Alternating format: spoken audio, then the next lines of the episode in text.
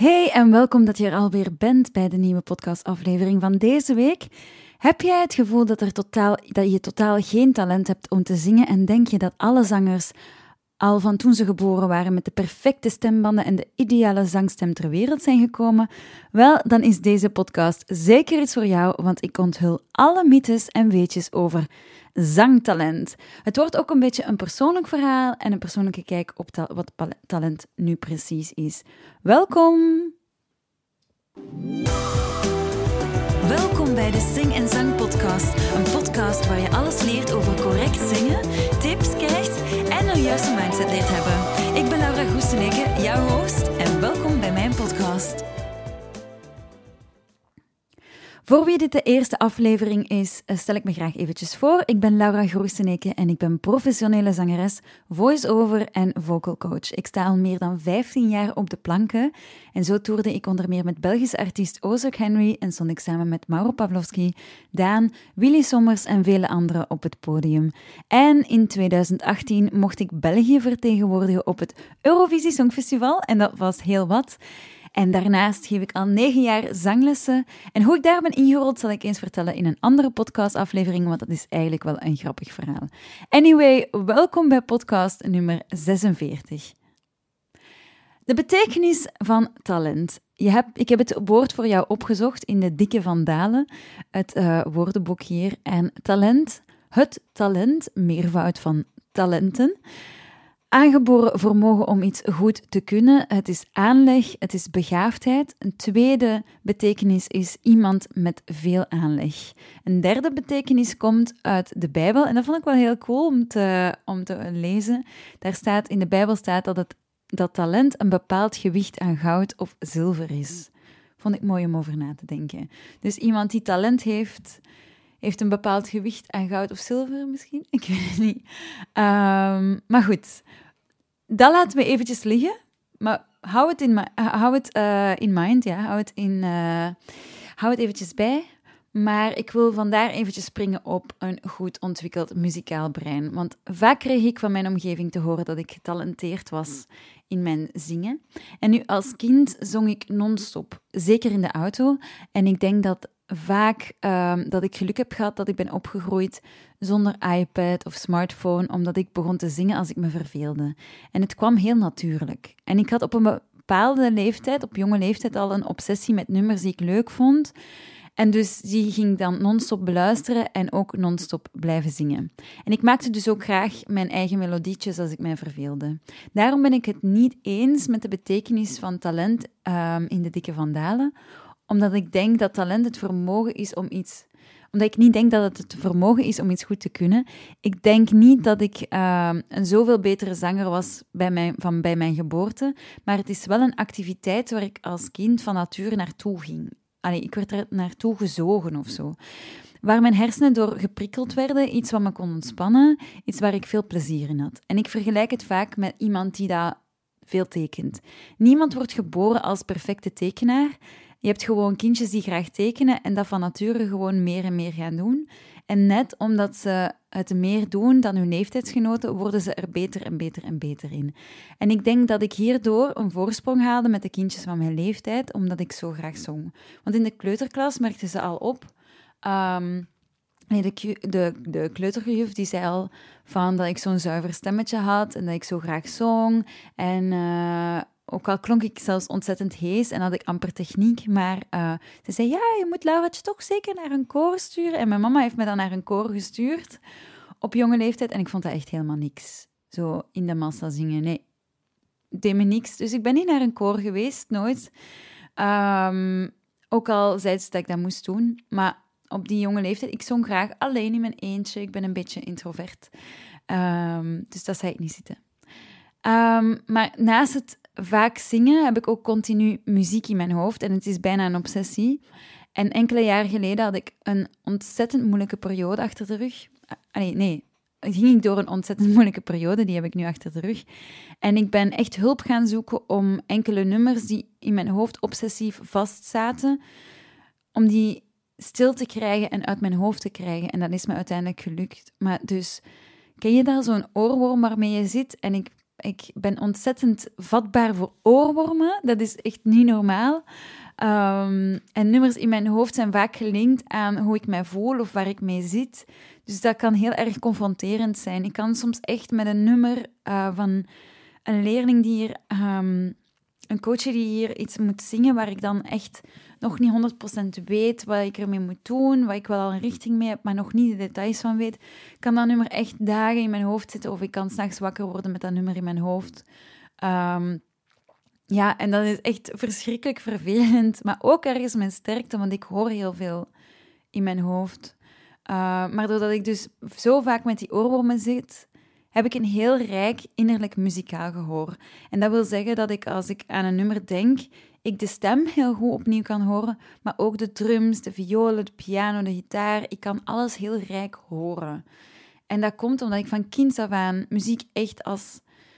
Ja, muziek was echt een magneet voor mij. En ik was, daar, ja, ik was daardoor aangetrokken. En daardoor heb ik mijn muzikaal gehoor heel goed kunnen ontwikkelen, omdat ik daar meer van wou weten en daar heel hard mee bezig was. Van, hmm, hoe zit dat nu in elkaar en waar gaat dat naartoe en wat verandert er nu?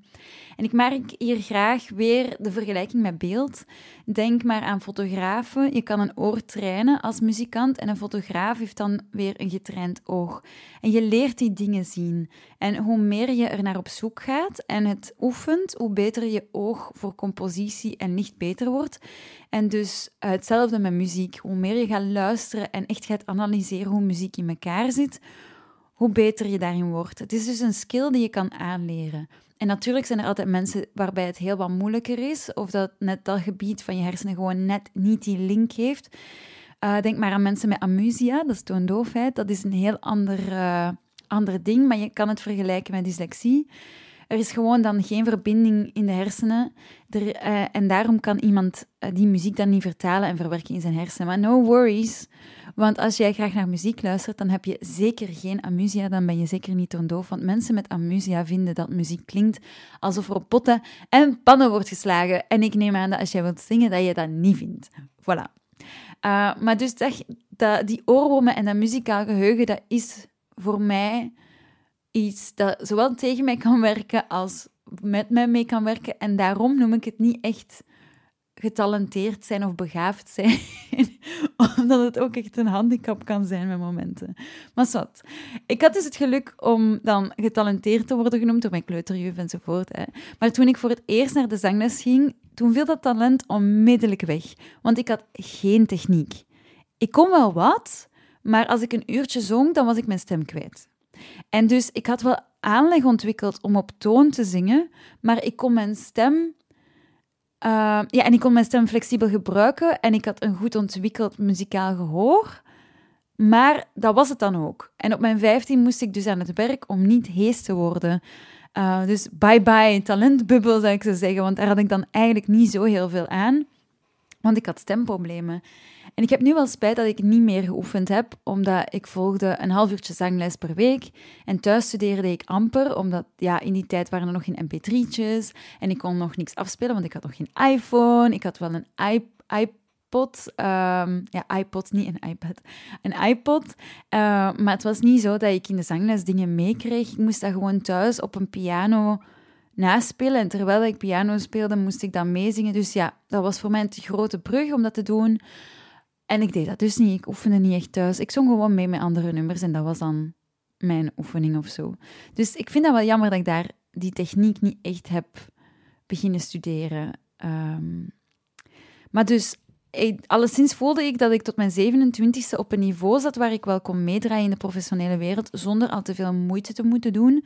Maar toen begon het, hè. Ik besefte dat als ik echt een solo-carrière wou uitbouwen als frontzangeres, um, ik echt wel moest beginnen oefenen en trainen, want anders zou ik het gewoon niet halen. Ik heb enkele maanden in Parijs en Londen tussen de muzikanten gezeten en ik zat, zag daar dat het niveau zo ontzettend hoog lag. Echt zo ontzettend hoog. Ik moest wel, zoals in België zeggen, mijn tenen beginnen uitkazen. Um, en ik heb toen besloten om terug zangles te gaan nemen. We gaan bij te scholen met Still Voice Training en de vocal coaching niet meer als een sidejob te zien, maar er dus helemaal voor te gaan. En um, ja, vocal coaching voor mij is dan ook een win-win voor zowel mijn coachie als voor ikzelf. Want ik leer bij van jou en jij leert bij van mij. Dat is echt super tof. Um, en ja hoor, ik had gisteren nog eens een repetitie en ik voel dat ik op die vijf jaar sinds dat ik het Songfestival heb gedaan, zoveel beter ben geworden door dagelijks te zingen met zangoefeningen. Zingen is echt een skill, echt waar. Zingen is een skill die je moet onderhouden. Ik zeg het vaak, ik blijf het vergelijken met joggen. Je hebt mensen die een lichaamsbouw hebben, die hun als jogger een voordeel geven, maar om een marathon te lopen moet je trainen. Dat komt niet vanzelf. En zelf met het ouder worden is het meer en meer een must om die skills goed te onderhouden, om te blijven trainen. En bij zingen is het dus niet anders. Als zanger, heb je dus een achter... Als zanger kan je dus een achterstand hebben ten opzichte van iemand anders. Maar geloof me, ik heb coaches hier in mijn zangatelier in Leuven, die elke, elke keer dat ze hun zangoefeningen doen en daardoor dus... En dus meer dan andere getalenteerde zangers gewoon ze met twee vingers in de neus voorbij steken. Want consistentie en oefenen wint altijd in die end van het talent. Echt waar. Als talent niks doet, niet studeert, dan steek je die gewoon zo voorbij met consistentie en je oefeningen te blijven doen. En daarom heb ik voor jou een zangschema gemaakt. Dan heb je een idee hoe een ideale training er ongeveer uitziet. En die kan je downloaden in de beschrijving van de podcast. En dus ja, zo besef je.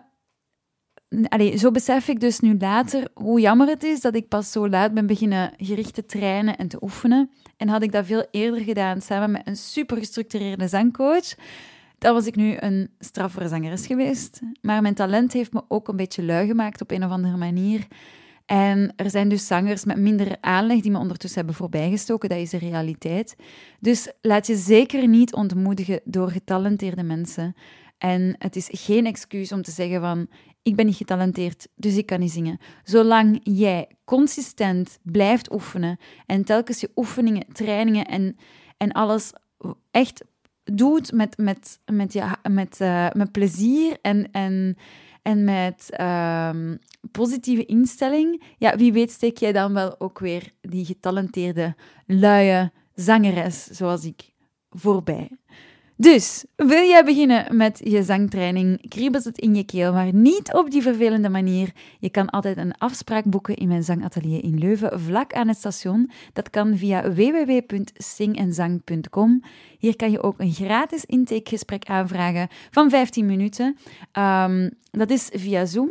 En dan kan je kijken of dat zangles wel iets voor jou is en of ik wel de geschikte coach voor jou ben. Want natuurlijk, het moet klikken en ik vind dat heel belangrijk.